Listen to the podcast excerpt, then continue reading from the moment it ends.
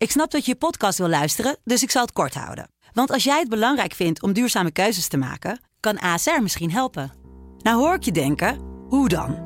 Nou, bijvoorbeeld bij het duurzaam herstellen van schade. Of de premies die we beleggen volgens ons duurzaam beleggingsbeleid. Dat bepaalt waar we wel en juist niet in investeren. Wil je meer weten over welke duurzame keuzes ASR maakt? Ga dan naar asr.nl slash duurzame keuzes. ASR doet het. Zo, dan kan je nu lekker naar je podcast luisteren. Ze zijn jong, zijn nog jong. En hun harten liggen op hun tong. Altijd alert, erg alert. Hun mening eindelijk ongefilterd. Dit is Ongefilterd met Kitty en Elif. Welkom eh, allemaal bij eh, een nieuwe podcast. We gaan vandaag eh, de grote lockdown special doen. het is nu. Wat? Joepie. Ja, we hebben nu. momenteel zitten we in een avondlockdown. En we nemen deze aflevering iets eerder op, omdat ik hopelijk op vakantie ga over een paar dagen. Maar we gaan het eigenlijk hebben over alle lockdown-perikelen. Maar waar ga je hopelijk naartoe? Ik ga hopelijk naar Parijs. Oh, dat moet wel goed komen, toch? Ja, ik hoop het. Maar Frankrijk is natuurlijk wel best wel streng. En Nederland is een warzone op coronagebied. Dus je bent toch altijd een beetje bang dat je dan gewoon uh, wordt teruggestuurd of zo. Of um, een melaatse bent. Een melaatse bent, ja. ja. ja. Maar goed, we willen natuurlijk ook van jou weten, Kitty, waar je aan hebt geërgerd deze week. Nou, ik ging uh, van de week ging ik naar uh, de kapper. En, um, ik zie het. Leuk. Ja, leuk hè? Ja.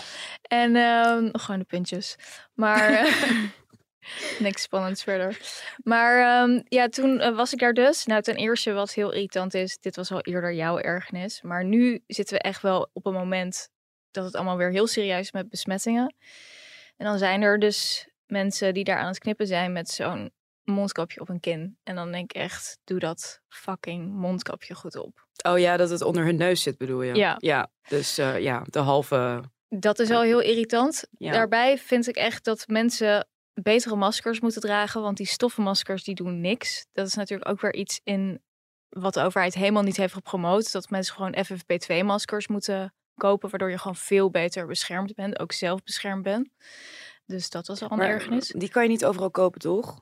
Je kunt ze gewoon bestellen. Ja, je kon ze eerst dus bij de etels en zo kopen. Maar bij mijn etels hebben ze nu, ze nu niet meer. Nee, ik heb ze kunt... dus nog nooit gezien ergens, behalve op internet. Dus, want, want, zeg maar, als je in een supermarkt en zo mondkapjes koopt, dan zijn het gewoon van die papieren normale, zeg ja, maar. maar dat is toch ook, uh, want er liggen heel veel uh, mondkapjes gewoon. We hebben geen tekort meer aan mondkapjes. Nee, dus ik nee. snap niet waarom die niet actief worden verspreid, waarom die niet actief worden verkocht. Dat zou echt helpen namelijk. Maar goed, je zat bij de kapper. Ja, ik zat bij de kapper. nou, dat. ja, oké, okay, dat was de eerste ergernis. En de tweede ergernis. Mijn haar werd dus geknipt door een heel aardig meisje. En uh, ja, je, probeert, je gaat altijd gewoon een beetje een praatje maken, toch, bij de kapper? Ik haat dat. Maar het, ja, als het heel stroef loopt, haat ik het. Maar goed. Ik heb bij jou het idee dat het niet zo stroef liep. Verder. Nee, ja, en toen uh, begon zij dus... Uh, ik, stelde gewoon een paar interessevragen. En toen begon ze dus echt heel gedetailleerd over dat het uit was met haar ex. En dat ze nu met iemand anders was. En dat het moeilijk was om single te zijn, omdat ze dan weinig seks had. En dan hoe ze nu afspraken met. En ik dacht echt, girl, ik kom hier echt om mijn haar te knippen. Ik, gewoon oversharing. Sommige mensen doen dat heel erg, hè? Die gaan dan gewoon meteen je heel veel vertellen. De eerste keer dat je ze ziet. En vooral ja, ik weet niet, ben ik dan een zeikert of zo? Maar ik denk dan altijd, mensen, dat, dat hoeft helemaal niemand te weten. Ja, maar je hebt moeite met het deel over het, het seksuele deel, of niet? Dat ze daarover gaat vertellen. Nou, ik vind het ook raar als je gewoon uh, je hele traumaverleden op tafel gaat leggen. Ja, ik, bedoel, okay, ik kom ja. daar, ik, het is gewoon een professionele... Maar je vraagt ook niet- wel, je vroeg toch dingen aan haar, dus dan heb ja, je er toch een niet beetje door seks. Nee, maar je hebt wel, je hebt denk ik wel persoonlijke vragen gesteld, of niet? Nou, gewoon dingen als uh, woon je in de buurt? En dan kom je al snel een beetje zo van... Dan ja, kom je al ik- snel bij je seksleven dan terecht. Ja, kom je al snel met, oh ja, ik woonde eerst samen, maar nu is het uit. En oh, oké, en dan gaat iemand vanzelf Oh, maar gewoon- toen ging je waarschijnlijk vragen, oh, waarom dan? Of zo? Nee, of, ik ga dat echt niet Oh, vragen. ik zou dat wel vragen. Ja? Als iemand het zo actief al vertelt, dan, dan is het ook prima om er naar te vragen, toch? Dus dan... Maar wat vind jij hiervan dan? Vind je, vind je dat mensen... Ik vind het wel vermakelijk. Ik vind het erger dan als mensen echt van die standaard. Want wat ik altijd heb bij de kapper, dan is het van. Oh, ga je nog op vakantie? Nou ja, dat kan nu natuurlijk niet, niet meer. Of ga je nog wat leuks doen dit weekend of zo? Dat soort vragen, dat vind ik zo oninteressant. En ik vind het seksleven van mensen wel altijd interessant. Ja, sorry, het is gewoon zo. Dus dan heb ik liever dat ze dit vertellen. Ook al denk ik dan van ja, ik hoef het niet per se te weten. Maar het is ook niet, ik vind het ook niet naar om het te weten of zo. Maar vind je niet irritant als mensen onwijs gaan oversharen? Ik heb, ik heb dit, misschien ligt het aan mij, maar misschien doe ik iets verkeerd dat ik mensen te veel het gevoel geef dat ze alles bij mij kwijt kunnen. Of Nou, zo. dat denk niet dat je dat gevoel mensen geeft. nee, gewoon echt Nou, dank je. Eh, maar waar we het eerder over hadden, namelijk dat er mensen zijn die heel veel over zichzelf praten. Mhm. En ik ben wel iemand die luistert. Dus Ja, misschien oké, nee, dat- komt het daardoor dat mensen dan denken, oh, dit is iemand die luistert. En dan gaan ze gewoon, dan lopen ze gewoon leeg. Nee, maar het, is, het, het was natuurlijk een beetje flauw, want je bent wel iemand bij wie je veel dingen kan vertellen, omdat je inderdaad luistert. Maar ik bedoelde, op het eerste gezicht ben je denk ik niet iemand van wie mensen op straat denken, oh, ik ga haar nu even over mijn seksleven vertellen en vragen wat zij ervan vindt of zo. Nee, niet seksleven, maar ik Of- heb toch wel echt, ik heb toch wel echt heel vaak zo. dat mensen mij heel snel hele persoonlijke dingen vertellen. Ja, maar dat is toch leuk? Ja, soms is dat leuk, maar soms denk ik ook, eh, mensen, doe je dat bij iedereen? Nou ja, misschien wel. Ja, je hebt wel van dat soort mensen die dat doen. Ja, het is wel altijd een beetje labiel, vind ik. Het is een beetje doet. labiel Ja. en het is ook, je hebt nu op eh, TikTok een genre, ze noemen het eh, trauma dumping. Dus mensen die de hele dag zo Oh ja, Ja. Hun, hun, over hun trauma's eh leeglopen. Ja, of gewoon meteen beginnen over ja, want ik heb het heel zwaar gehad. Want Oh, toen, ja, ja, en toen heb ik Oh, zus en dit en dat. Dat je echt denkt, oké, dat zijn ook niet gesprekken die je dan even makkelijk kan afronden of zo. Nee, nee, want je kan dan niet zeggen, ja, oké, maar goed, ik moet nu weer Ik moet verder. nu even naar de Albert ik- Heijn, Ja, dus, precies. eh. Ja, ja, dat is wel heel naar als je op die manier gevangen wordt. Ja, dat herken ik wel. Eh, nou ja, waar ik me dus aan erger, of ik, dit kan op een hele korte manier, want ik denk dat, dat iedereen zich hier aan herkent. Mannen, jongetjes die op straat spugen. Hou ermee op. Oh, is Waarom doe je goor. dat? En ik heb wel eens gehoord van mensen dat dat een eh, soort, ja, dat, dat, dat zeggen mannen dan als een soort verdediging, dat dat iets biologisch is, dat mannen dat moeten doen of zo. En dan denk ik van, ja, oké, but it's gross. Want je gaat ook niet op straat ejaculeren of zo. Ik bedoel, dat is... Dat, Maar vrouwen doen het ook hoor. Ik, ik woon dus. dat heb ik echt eh, nog nooit gezien. Nee, echt. Ja, ik, ik, heb, ik heb dus. eh, ik woon in een een portiek. En ehm, Ugh. in het centrum. Sorry, ik krijg echt centrum, kokhalsneigingen van. centrum van eh, Amsterdam. En ehm, bij mij in de buurt zitten een paar scholen. Ja, variërend tussen de 14 en 19 of zo. De mensen. En die gaan dus heel vaak in de portiek zitten. Dan zitten ze te roken en te roggelen. En ik word daar helemaal lijp van. Oh, dat is echt heel goor. Ja. Weet je, vroeger ging ik ook wel eens dan eh, op de middelbare school chillen met mensen in van die portiekjes. En Ja. dan kwamen er altijd boze mensen, boze buren, eh, die kwamen dan Ja. eh, je wegsturen en zo. En nu ben ik die boze buurvrouw. Die dan, Ja, maar dat, dat roggelen is gewoon echt heel goor. ja. Soms zie je ook zo'n roggel liggen. Dus dan, heb je niet, dan zie je niet wie hem heeft uitgespuugd. Maar dan zie je gewoon een roggel op straat Ja, liggen. Ik het is echt, echt heel goor. word nu echt gewoon misselijk van Ja, het is mezelf. echt heel smerig. Maar dan, Oh. dan, dan kom ik dus naar bene- beneden en dan zitten die mensen daar. En dan zeg ik, ik vind het prima als jullie hier zitten. Maar ik wil wel dat jullie het schoon achterlaten. En niet roggelen en niet je sigaretten hier laten liggen. En dan zeggen ze, nee mevrouw, dat doen we echt niet hoor. Dat doen we echt niet. Dat zeggen ze allemaal. En kom Maar je drie uur toch- later. Toch ligt het altijd vol met roggels en sigarettenpeuken. Gadver. Ja. Eh, ja. Dus nee, maar misschien dat, moet ik toch gewoon gaan optreden. ja. Ik dacht dat het mijn weer- ergernis was, niet die van jou. Sorry. Sorry, ik steal je thunder.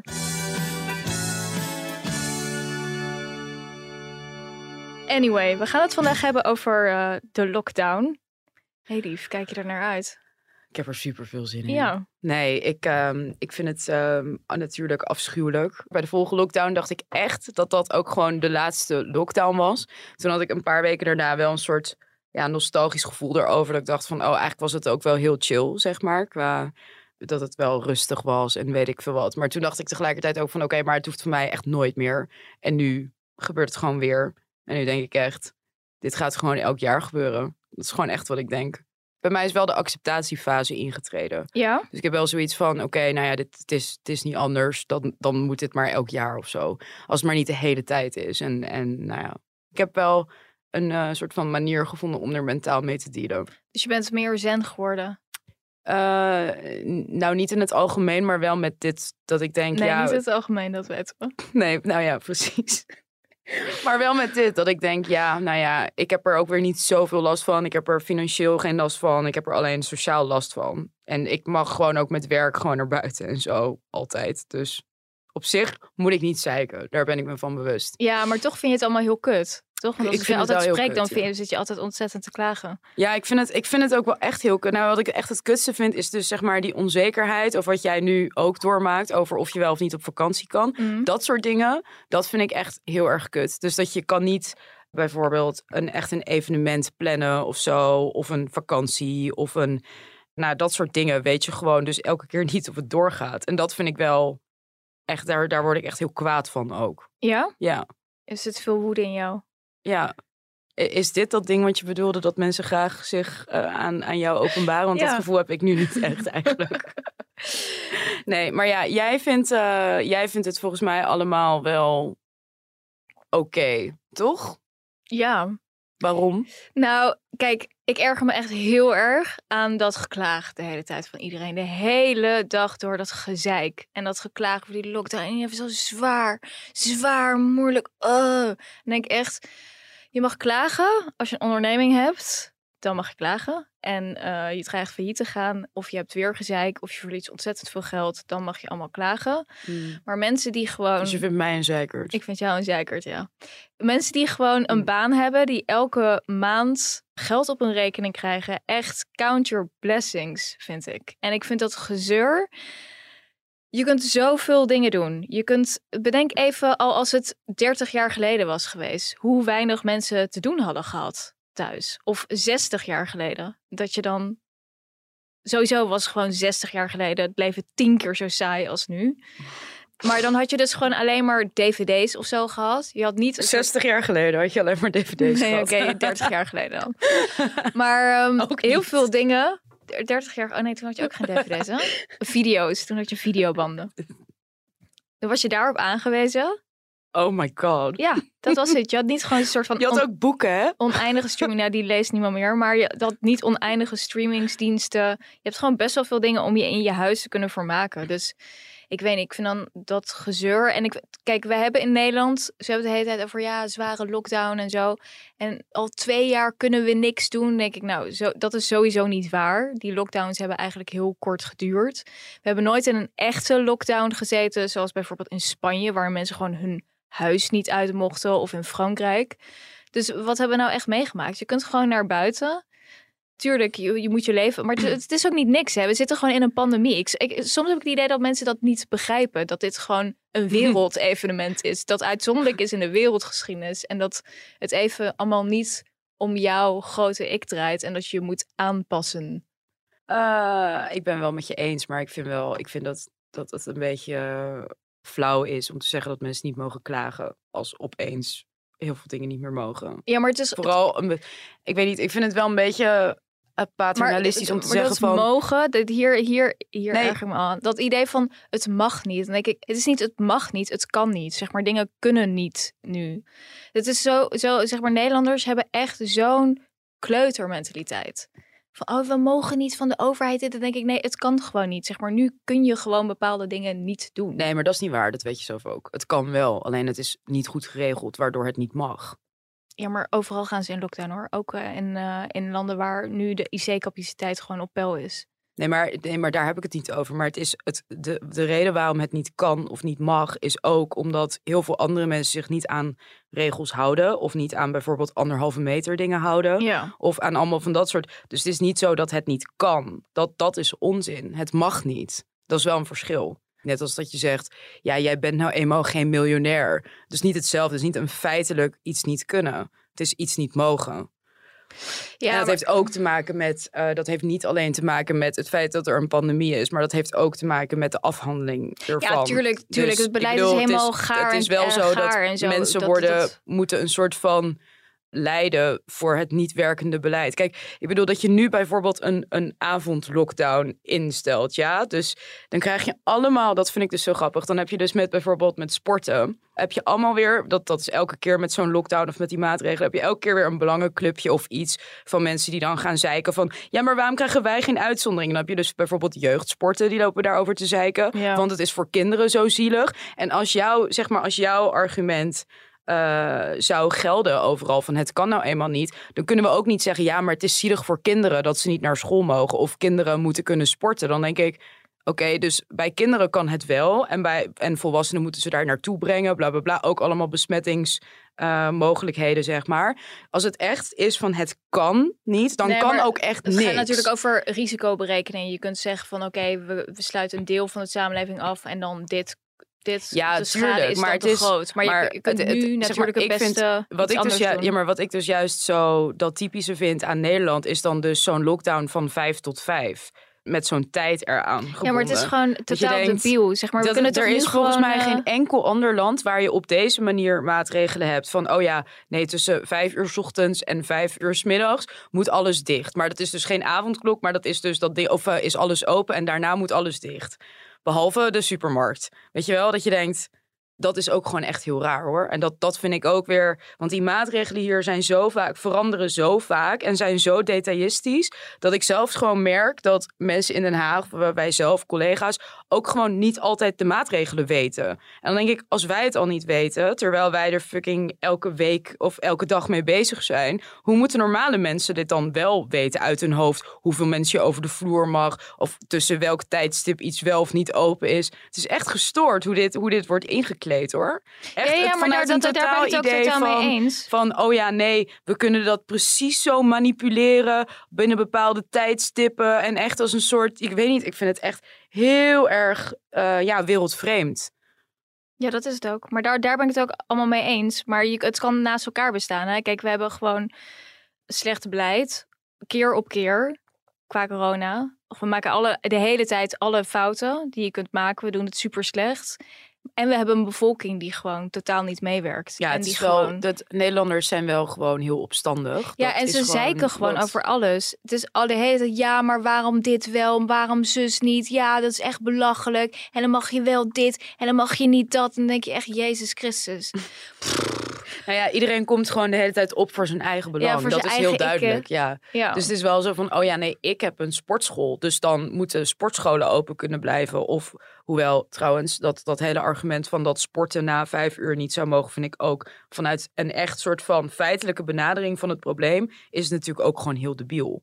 Dat je dus Ja, maar je moet, het ding is natuurlijk, kijk, je moet ergens een lijn trekken. Dat ja, maar je ook. kan niet. Ja, maar dat vind ik altijd. Dat is zo'n makkelijk antwoord. Want dat zeggen ze het namelijk altijd met dit soort dingen. Ja, je moet ergens een lijn trekken. Maar je zou ook een lijn kunnen trekken, bijvoorbeeld met sporten binnen mag niet, buiten mag wel. Dat je gewoon op de soort van het risico van de situatie kijkt. In plaats van naar, ja, je moet een lijn trekken zodat iedereen het begrijpt. Het Maar weet je wat irritant is? Dat vind ik. In Nederland zijn mensen altijd de dingen die zij vervelend vinden. Dus zij sporten binnen en dat zou dan niet meer mogen. Dan gaan ze meteen, ja, dat is echt onzin die regel. En eh, dit mag wel. En kijk naar die, die mag dat wel. Nou, dat is toch belachelijk. Nee, want nee, nee, nee. Kijk, als iemand zou zeggen, als iemand buiten sport en die zegt dat, dan vind ik dat hij gelijk heeft. Maar als iemand binnen sport, ja, dan heeft hij misschien niet gelijk.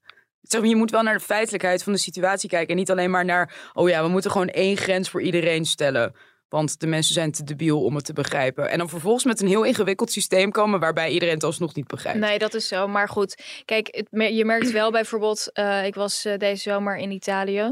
En dat gezeik ook bijvoorbeeld over mondkapjes en zo, dat heb je daar gewoon niet. Kijk, Nee. ten eerste zeg maar, Italië is gewoon getroffen. Dus mensen hebben gewoon lijkkisten gewoon door de straat zien gaan. Dat zal echt impact hebben gehad op de beleving. In Nederland hebben we toch niet helemaal een Nee. besef wat dat gewoon echt teweeg kan brengen. Wat er gewoon gebeurt als er zometeen een zorginfarct is. Wat je gewoon nu al dus hebt. Dat, dat mensen gewoon met, met kanker gewoon hun eh, chemotherapie en zo niet kunnen krijgen.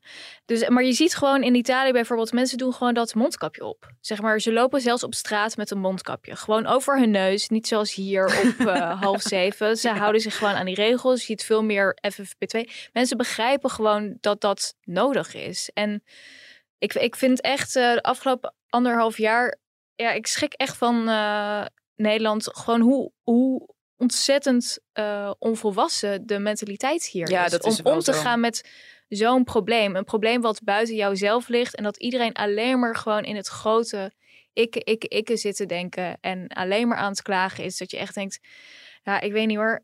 Een nuchter land, dat is echt de grootste onzin die er nee, is. nee, Mensen Nederland is zijn een niet totaal nuchter. hysterisch land. Dat Het is, is, echt zo. hysterisch. Ja, ja. Sentimenteel en hysterisch. En dat gejank over de kinderen de hele tijd. Ja. My god.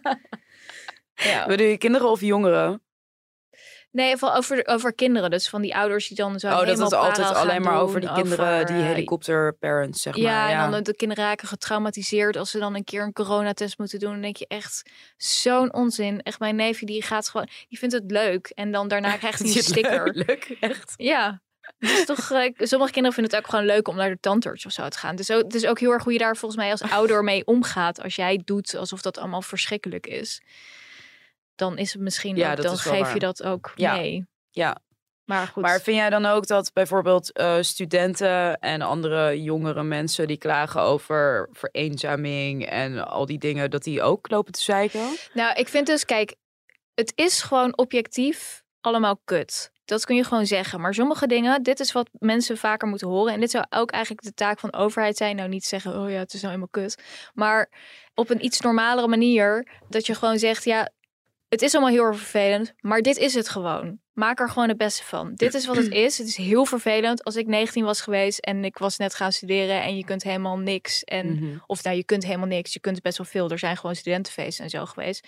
Maar je hebt een paar maanden dat je dan eh, geen colleges hebt. En tuurlijk is dat vervelend. Maar het is wat het is. Ik bedoel, nogmaals, we zitten gewoon in een pandemie. Ja, vroeger Ja, werden mensen dat is op inderdaad een... wel wat op- jij zegt. Dat, dat heeft wel met de communicatie te maken. Want er wordt wel vanuit de overheid of vanuit het Rijk wel heel erg gedaan van.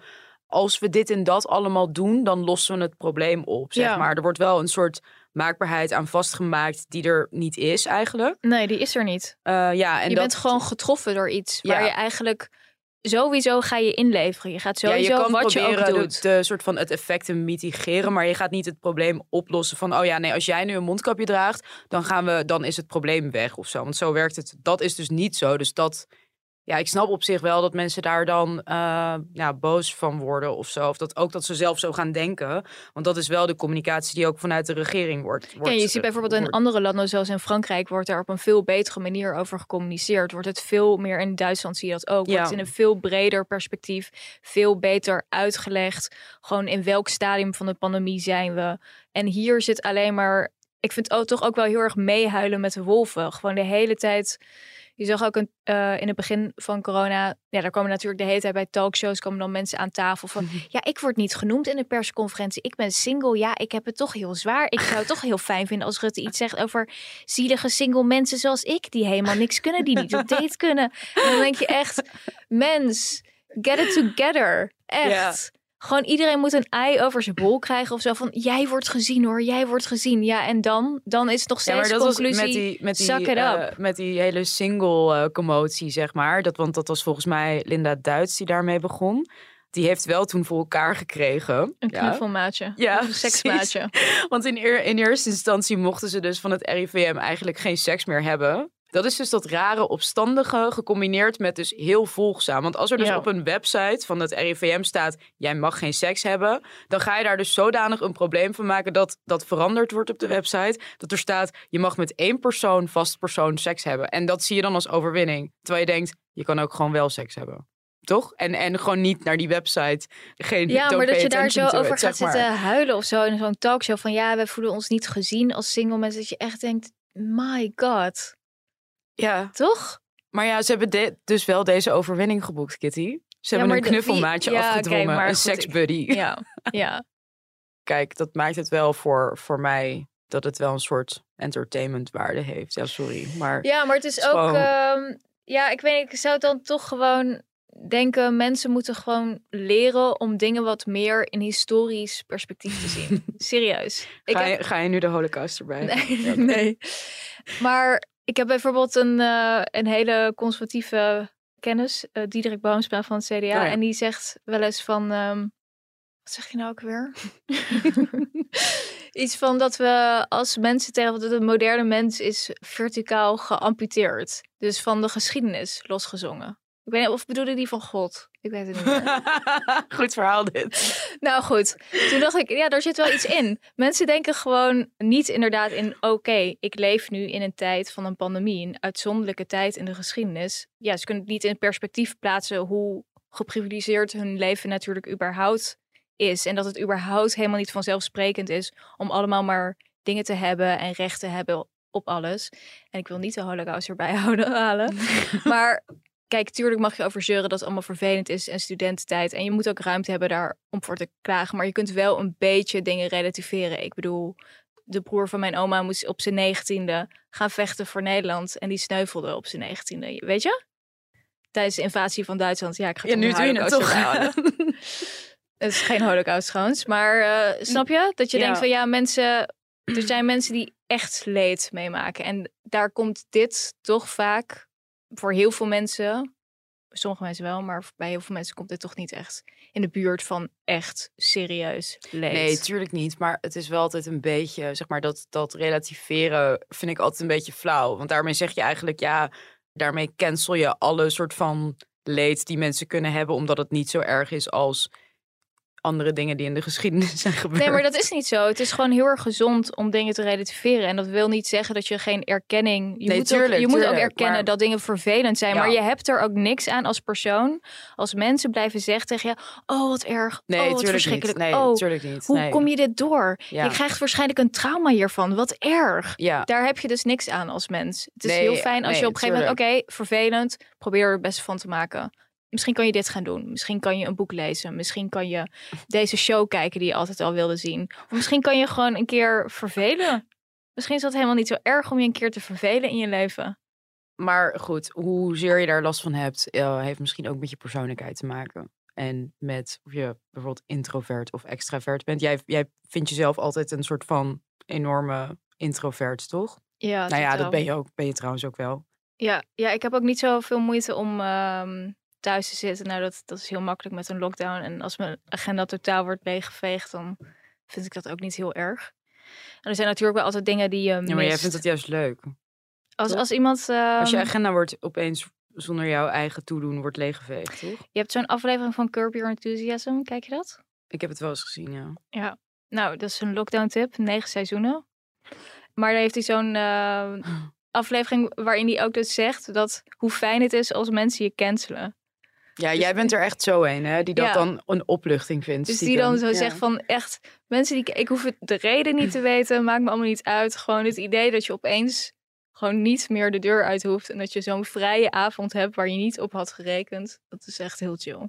Ja, ik begrijp dus nooit waarom mensen zoals jij of, of dit soort mensen dan dus überhaupt afspraken maken als je het zo niet leuk vindt en als werk ziet. Want als je dus zegt dat als iemand het cancelt dat het dan een vrije avond is, dat betekent dus dat je het echt als een soort verplichting of als werk ziet. Ik snap niet waarom je in the first place dan zo'n afspraak maakt. Nee, maar dat is niet zo. Je ziet het niet echt als werk. Maar het is, kijk, het is gewoon sowieso goed om met mensen af te spreken. En ik vind het ook altijd gezellig als ik dat eenmaal doe.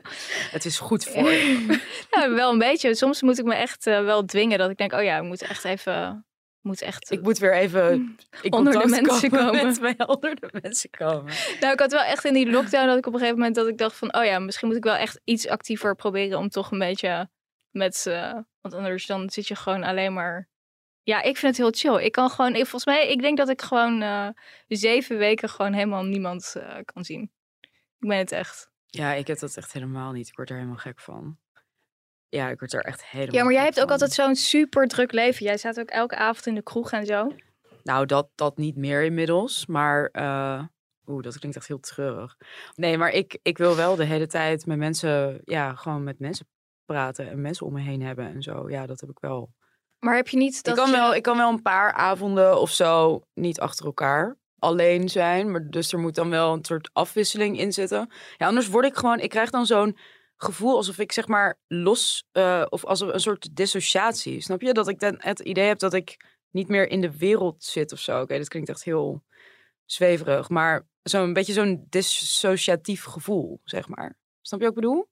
En je, zit, je kijkt heel blank Maar dat is dus, eh, maar dat is toch ook wel eens lekker? Dat je dan gewoon helemaal zo in je eigen wereld een beetje.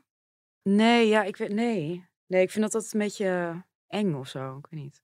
Ja. Dus dat is ook niet te helpen met, met bijvoorbeeld ja, met social media of zo. Of met nieuws of zo. Dat je voelt moet dat... gewoon echt mensen zien. Je moet gewoon in de fysieke wereld je Ja. begeven. Ja, maar dat moet je ook natuurlijk. Ik bedoel, dat is ook gewoon gezond. Maar ik denk dus dat de behoefte dat dat, om dat te doen dus verschilt heel erg per inderdaad extravert versus introvert. Ja.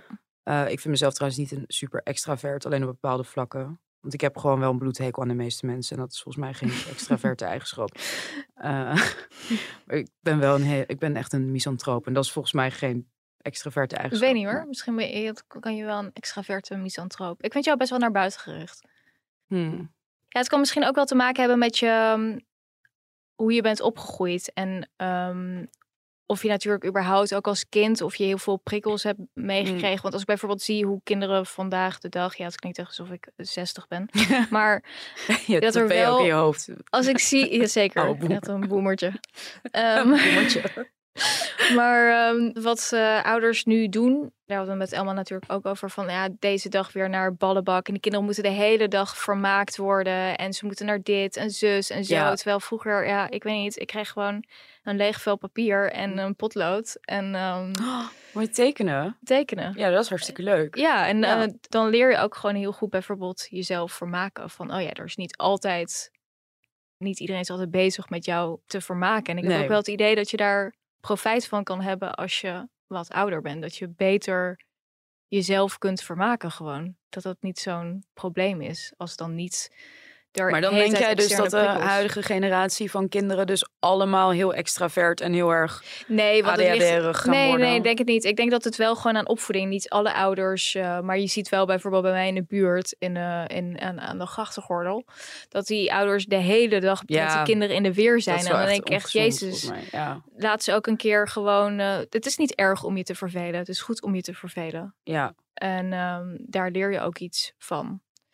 En wie dat ook vindt, is ehm, Esther van Venema, die ik eh, eerder Onze vandaag. Onze, onze huisshrink, eh, die ik eerder vandaag eh, heb gesproken. En zij geeft ook tips hoe je mentaal gezond door de lockdown heen kan komen. Dit is de receptie van Ongefilterd met Kitty en Elif. Ik verbind u door. Met Esther. Hallo. Hi there, hallo. Hallo. Ja, we gaan nu een avondlockdown. En de laatste keer zagen we al dat eh, de psychische problemen eh, toenamen. Ja, hoe komt dat? Is dat heel logisch dat dat gebeurt? Of heeft het ook te maken met dat mensen misschien niet weerbaar genoeg zijn eh, om, om zoiets aan te kunnen? allebei, eerlijk gezegd. Want het, ik, vind het, ik merk het ook al bij mezelf dat ik langzaam er ook echt helemaal klaar mee ben. Met weer iets wat afgezegd wordt, weer iets wat niet doorgaat. Hè. Dus die uitzichtloosheid, de rek is eruit. Er is geen zicht op van nou nu is echt klaar en mag alles weer naar normaal terug waar we allemaal zo naar verlangen. Maar ik denk dat, dat dat wel in combinatie is met de mate van weerbaarheid die mensen hebben. Of het vermogen om er zelf een andere draai aan te geven. En nou ja, handelen naar bevinden en te zorgen dat ze er toch iets van maken of zo. Dus het is denk ik wel een combinatie. Ik denk dat het wel helpt als je, als je beter begrijpt waarom de overheid de maatregelen neemt die ze nemen. En voor sommigen voelt het toch ook een beetje als paniekvoetbal nu. Dus ze hebben wel wat steken laten vallen als het gaat over het beleid, het op, opschalen van, van IC-capaciteit, het inzetten van vaccinaties. En dat, dat zijn natuurlijk zaken die mensen ook gewoon zien. Dus al met al um, ja, denk ik dat je netto wel mag zeggen dat het heel begrijpelijk is dat mensen er een, een ja, wat moeilijk gevoel bij hebben, laat ik het zo zeggen. Hey, ik uh, las jouw column waarin je aanstipt dat we inmiddels in Nederland bijna 20% van de volwassenen ooit in zijn leven een depressie krijgt.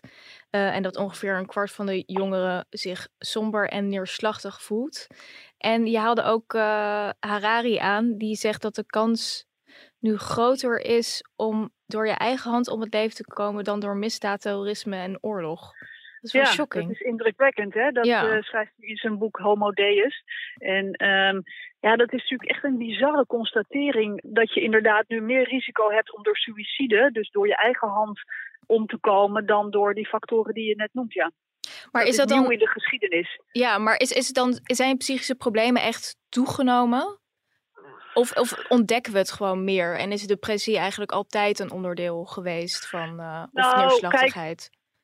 Er, er is natuurlijk wel eerder in de geschiedenis sprake geweest van stressgerelateerde aandoeningen zoals stemming- en angststoornissen. Bijvoorbeeld toen de treinen op tijd gingen rijden en er klokken en zo, uh, dat je horloges kreeg, dat mensen stress kregen dat ze niet op tijd waren. Maar een suïcide is natuurlijk gewoon zelfmoord, is, is natuurlijk gewoon een hele harde, duidelijke uitkomstmaat. Um, waarbij je daarvan ook moet zeggen van nou, dat zit ook voor een deel in je aanleg. Maar de omstandigheden, ja, die kunnen daar natuurlijk wel een rol in spelen. Ja, en dat heeft gewoon met maatschappelijke uh, ontwikkelingen te maken. Ja, of het is natuurlijk misschien ook wel het uh, kleinere aandeel van oorlogsslachtoffers. Hè? Dus dat het statistisch toch iets ingewikkelder ja. ligt uh, om het ook op die manier te bekijken. Maar um, ja, we zitten in Nederland met 1500 suicides gemiddeld per jaar. En dat, dat is natuurlijk echt heel veel. En dan heb je nog het tienvoudige aantal qua pogingen wat mensen per jaar doen. Ja. Uh, dus dat, dat zijn toch wel indrukwekkende cijfers waar naar mijn mening altijd toch wat te weinig aandacht voor bestaat. Ja. Want dat gaat dus eigenlijk heel concreet over vijf mensen die omkomen door zelfdoding per dag. Ja, dat is wel echt heel veel. Ja. Hey, en um, nog even terug naar de lockdown. Uh, want Elif en ik die, uh, hebben daar vaak discussies over. Want zij is extravert en ik beschouw mezelf meer als introvert. En ik heb ook ja, niet zo heel veel moeite eigenlijk met de lockdown. En we vroegen ons af hoe je dit ervaart. Heeft dat veel met je karakter te maken? Of heeft het ook met dat soort dingen eigenlijk te maken? Want ik hoorde een tijd geleden ook wel mensen zeggen die toen alles weer open was van oh, ik verlang eigenlijk weer een beetje naar een lockdown, lege agenda en lekker rust. Mm -hmm. Ja, hoe, hoe, kijk jij daarnaar? Ja, ik vind het een complexe vraag, omdat um, je hebt natuurlijk persoonlijkheidsverschillen inderdaad. Allerlei types zijn er, van outgoing en wat meer naar binnen en, en wat vermijdend, op zoek naar altijd prikkels. Dat zijn allerlei verschillende trekken die mensen kunnen hebben. Je kan je natuurlijk afvragen hoe ons leven eruit zag voor die lockdown. Dat vond ik toch ook wel vrij hysterisch als het gaat om het najagen van prikkels. Hè? Ja. Het moest verschrikkelijk veel en het moest allemaal ontzettend leuk zijn en zo. Dus de vraag is natuurlijk van ja, absoluut gezien dat je daar een verschil merkt van dat je zegt van nou ik ben introvert, ik vind het fijn om die lockdown te hebben? Of is het meer relatief dat, dat je ook zegt van nou ik vond het toen wel heel erg extreem en misschien is dit wel een stuk normaler. Ja. Dus dat maakt het voor mij wel ingewikkeld om daar een heel eenduidig antwoord op te kunnen geven. Um, en voor de rest denk ik, ja, nogmaals, ik vond het voor die lockdown ook wel behoorlijk opgeklopt allemaal wat er allemaal moest. Um, en ik vind een stukje verstilling en terug naar binnen keren, zie ik absoluut ook wel voordelen van. Ja. Even los van alle schade en impact die heel negatief voor mensen kan zijn, die daar echt de dupe van worden. Ja, want het lijkt ook wel een beetje, als ik uh, in mijn omgeving kijk, van mensen weten eigenlijk niet meer hoe ze om moeten gaan met verveling. En dat verveling ook gewoon, ja, soms bij het leven hoort. Ja, dat het helemaal niet zo erg is om je misschien af en toe te vervelen. Nou, sterker nog, het stimuleert creativiteit. En um, ik denk dat continu afleiding door prikkels van buiten, dat dat, dat dat helemaal niet zo goed is voor ons als mens. Ja, ik ben zelf zonder televisie vroeger opgegroeid en ik heb me ontzettend vaak verveeld. Maar ja, dat, dat heeft ook wel geleid tot nou ja, ontwikkelen van je binnenwereld, het ontwikkelen van allerlei vaardigheden om met die verveling om te gaan. En dat kan boeken lezen zijn of muziek maken of weet ik wat voor dingen die misschien heel saai lijken, maar die, ja, die kunnen ook wel voor een stukje innerlijke rust zorgen. Ja, wat jij schreef ook nog in je column over dat, um, ja, dat we vaak eigenlijk uh, ook onderprikkeld zijn. Daar kwam het eigenlijk op neer, toch? Dus dat mensen eigenlijk vaak best goed uh, gedijen bij situaties die niet perfect zijn. Of dat dat vaak mentale, ik weet niet of ik het goed verwoord, maar... Ja, dat is ook een beetje een citaat wat ik uh, uh, van Damian Denies, mijn collega-psychiater, heb overgenomen. Hè? Van dat we natuurlijk zo overvoerd zijn met allerlei uh, luxe en comfort en, en welvaart en weet ik wat allemaal. En soms is het, het moeten knokken om te overleven en, en nou ja, zorgen dat je doorstaat. Dat kan ook wel positieve gevoelens geven. In plaats van dat het je allemaal maar makkelijk op een presenteerblaadje wordt aangediend. Dus het moeten overleven in moeilijke tijden is niet alleen maar iets wat onze soort heel vervelend vindt. Dat is natuurlijk ook een beetje hoe we nou, vanuit de evolutie gezien zijn, uh, ja, zijn ontwikkeld, zijn, zijn ontworpen. Ligt eraan hoe je dat bekijkt. Maar ja. uh, knokken, overleven is ook iets, en dat ligt natuurlijk ook wel aan heel veel andere dingen. Hè. Hoe ben je opgegroeid, hoe weerbaar ben je, enzovoort, enzovoort. Maar nou, dat is niet per definitie alleen maar heel naar en slecht. Hey, en uh, heb jij nog tips qua hoe komen we een beetje goed de aankomende lockdown door als het weer maanden gaat duren? Hoe kun je een beetje ja. sane blijven? Ik denk dat ik een beetje een stichtelijk advies heb, wat ik ook in die column in Trouw heb opgeschreven, dat je toch een beetje in jezelf moet gaan zoeken. Hè? Dus wachten op die verlossing van buiten, zoals we altijd voor corona op de beloning van buiten afwachten. Ik denk dat dat hem niet wordt. Ik denk dat je echt zelf moet gaan kijken van wat heb ik nodig om inderdaad gezond te blijven. Nou, ik heb uh, ergens ooit een mentale schijf van vijf bedacht. En dat is voor iedereen weer persoonlijk. De een zal meer moeten gaan bewegen, de ander zal misschien toch eens wat vaker sociale contacten moeten activeren, uh, als dat dan kan met allerlei regelgeving enzovoort. Dus ik denk dat gedisciplineerd zorgen dat je elke dag eigenlijk wat gezonde mentale dingen doet om die conditie op peil te houden, dat dat echt noodzakelijk is. Ja. Zingeving en discipline zijn twee organen, zoals ik dat noem, die erg kunnen helpen om uh, überhaupt te kunnen overleven. En ik denk dat dat nu ook uh, heel goed is om dat, uh, dat maar eens te onderzoeken voor jezelf. Dus zingeving ja, dus en discipline. Een, gewoon een plan maken en elke dag gezonde dingen doen. en daar niet te veel over nadenken en het gewoon doen. Oké, okay, nou dat is een hele goede tip. Heel erg bedankt. Nou, ja, succes met jullie uh, mooie fijne podcast. Thanks. Bye. Oké, okay, dag. H-E-L-D-I-N. Heldin van de week. Ja, we dachten dit keer laten we een keer wat positiefs doen. Toch? In plaats van altijd maar die haat, hè? Ja, die alleen maar haat en gezeik en zo. Nou ja, ik werd net ook al uh, een zeikert genoemd. Dus ja, ik dacht, oké, we gaan even iets positiefs doen. Uh, want we hadden het daar afgelopen vrijdag over. Toen waren we bij uh, een vriendin van ons. Dat mensen soms dingen kunnen doen of dingen kunnen hebben waardoor je dan heel positief verrast bent. En wat echt heel klein is, maar wat dan zo'n groot verschil in je leven kan maken. Hè? Dat je opeens weer vertrouwen hebt in de mensheid. Ja, dat had ik dus afgelopen vrijdag toen we bij onze vriendin, bij deze de heldin van de week. Nou, die heeft zo'n heel mooi spik en span huis. Nou ja, dan vraag je of je een sigaret mag roken. En dan heeft ze dus gewoon een asbak in haar huis. Terwijl ze zelf dus een niet-roker is. En dat vind ik zo sympathiek als mensen dat hebben. Ja, dan hoef Want, je dus niet een of ander gaar koffiekopje ja, met of, een beetje water erin. Precies, en dat ja. je dan naar buiten wordt gestuurd van, uh, weet je wel, dat je dan onder een afdakje moet gaan staan en zo. Zij heeft dan gewoon zelf een mooie kristallen asbak. Ja. Van, alsjeblieft. Dat je denkt, oh, dat vind ik, dat vind ik dus heel sociaal. Dat is heel sociaal, heel gastvrij ook. Ja, ja precies, gastvrij. Dat is Ja. precies wat het is, ja. Ja. Ik vond dat echt een heel typisch voorbeeld van zo'n heel klein iets... wat iemand zelf niet eens doorheeft. Dat dat dus heel schattig is, dat ze dat heeft. Waar je dan helemaal door zo, zo door geraakt bent van... ah, je houdt gewoon rekening met dat er mensen in je huis komen... misschien die een sigaret willen Die roken. andere behoeftes hebben dan Ja. jij en daar faciliteer je op. Ja, En net zoals dat bijvoorbeeld als mannen een ehm prullenbakje op de wc of zo hebben. ja zoiets. dat heb ik nog nooit meegemaakt. Nee, Zijn niet. er mannen maar dat, zou leuk zijn als we... dat heb ik echt nog nooit meegemaakt. ik, ik heb het volgens mij één Ik keer of zo na te gezien. denken. Ja, echt? Ja. In een mannenhuis. In een mannenhuis, ja. Maar maken zij dat dan ook zelf schoon? Ik denk het wel. Ik mag hopen van wel. Ja. En Wow, nu wordt, het, is weer een heel, echt- nu maar wordt het een heel vies gesprek. Ja. maar ik vind dat wel ver gaan. Want ik, ik weet niet of ik dat zou doen als ik een man was. Ik denk, ik denk niet dat ik dat zou doen. Nou, ik heb ook iets leuks. Oh, Weet je wat ik nu echt heel fijn vind? Als je dan naar een winkel gaat en dan weten mensen dingen. Dus ze weten dingen over die ze verkopen. Oh, ik dacht over jou. Oh, oké. Ik vond het- Oh, je dacht dat ze dan dingen over mij weten? Ja, nou ja, dat, ze dan, dat je ze vaker hebt gesproken en dat, je dan, dat ze dat dan hebben onthouden. Want dat, is vind ook ik- heel leuk. Nee, dat vind ik altijd heel eng. Oh. Maar oké. dus- Ehm, maar Dat- je hebt echt vaak nu, omdat natuurlijk. eh, ehm, je, hebt, je hebt gewoon heel vaak dat, dat mensen werken op plekken en dat ze eigenlijk niks weten. ja, ja. Ik heb zelf heel lang in de Eh, horeca ge... parfumeries heb je dit echt heel erg. Ja, dus dan stel je een vraag en dan is het, eh, ja, dan krijg je gewoon zo'n Ja. niet-zeggend antwoord. Ik heb zelf heel lang dus in de horeca ook gewerkt en ik wist ook niks, moet ik eerlijk zeggen.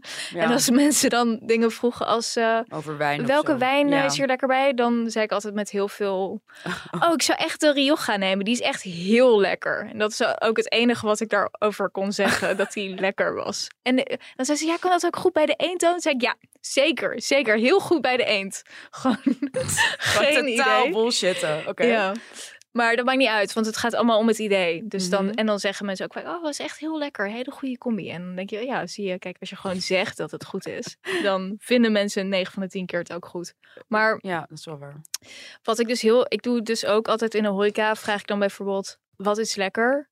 Omdat ik niet kan kiezen. En dan zeggen ze, ja, ligt eraan wat je zelf lekker vindt. En dan denk ik, dat vraag ik niet. Ja. Dat vraag ik niet. Ik vraag wat lekker is hier. Je weet Mhm. toch wel gewoon wat het beste op, de, op het menu is, waarvan je denkt, oh, dat is echt onze specialiteit. Mhm. ik, ik mis nu tot zover een beetje het positieve deel van dit Ja, oké, oké. Maar dan soms heb je dus mensen, in horeca bijna nooit, maar bijvoorbeeld in een winkel. En dan vraag je zo van, oh ja, ik wil een eh, lekkere fles wijn die een beetje Mhm. zus, als een cadeau. En dan komen ze echt met een heel chill advies. Ja, zo, ja, oh ja, dit. Nou, dan zou ik echt deze nemen. En dan denk ik, fijn. Oh, zo heerlijk dat je dan... En Ja. dan ga je met een goed gevoel naar buiten. Ja. Dus gewoon het, het echte winkelierschap. Ja, Want het wordt- het het wordt- wordt ambacht nog. Het ambacht. Ja, Ja, het wordt nu natuurlijk heel erg gezien van... Oh, het zijn, het zijn vaak een soort bijbanen of zo. Ja, Uh, maar het is heel fijn als er mensen werken op plekken die echt, echt dingen weten. ja, in speciaalzaken Ja. en zo. Ja, precies. Ja, Ja. ja. dat is zo. Maar misschien doen ze gewoon hetzelfde als wat jij ook deed in de horeca. Dat ze gewoon totaal uit hun nek lopen te kletsen. Dat jij gewoon denkt... Ja, dat is waar. ja, dat is waar. Maar goed, ik weet dan ga niet, ik toch hoor, maar- altijd weg met een goed gevoel. Ja. Dus uh, good ja, enough. Je moet jezelf ook voor de gek kunnen houden. Precies. toch? Zeker, zeker. Oké. Nou, op die noot. Veel plezier in, eh, in Parijs. Ik hoop dat het doorgaat. Yes. En uh, fijne lockdown iedereen. Ja, happy lockdown.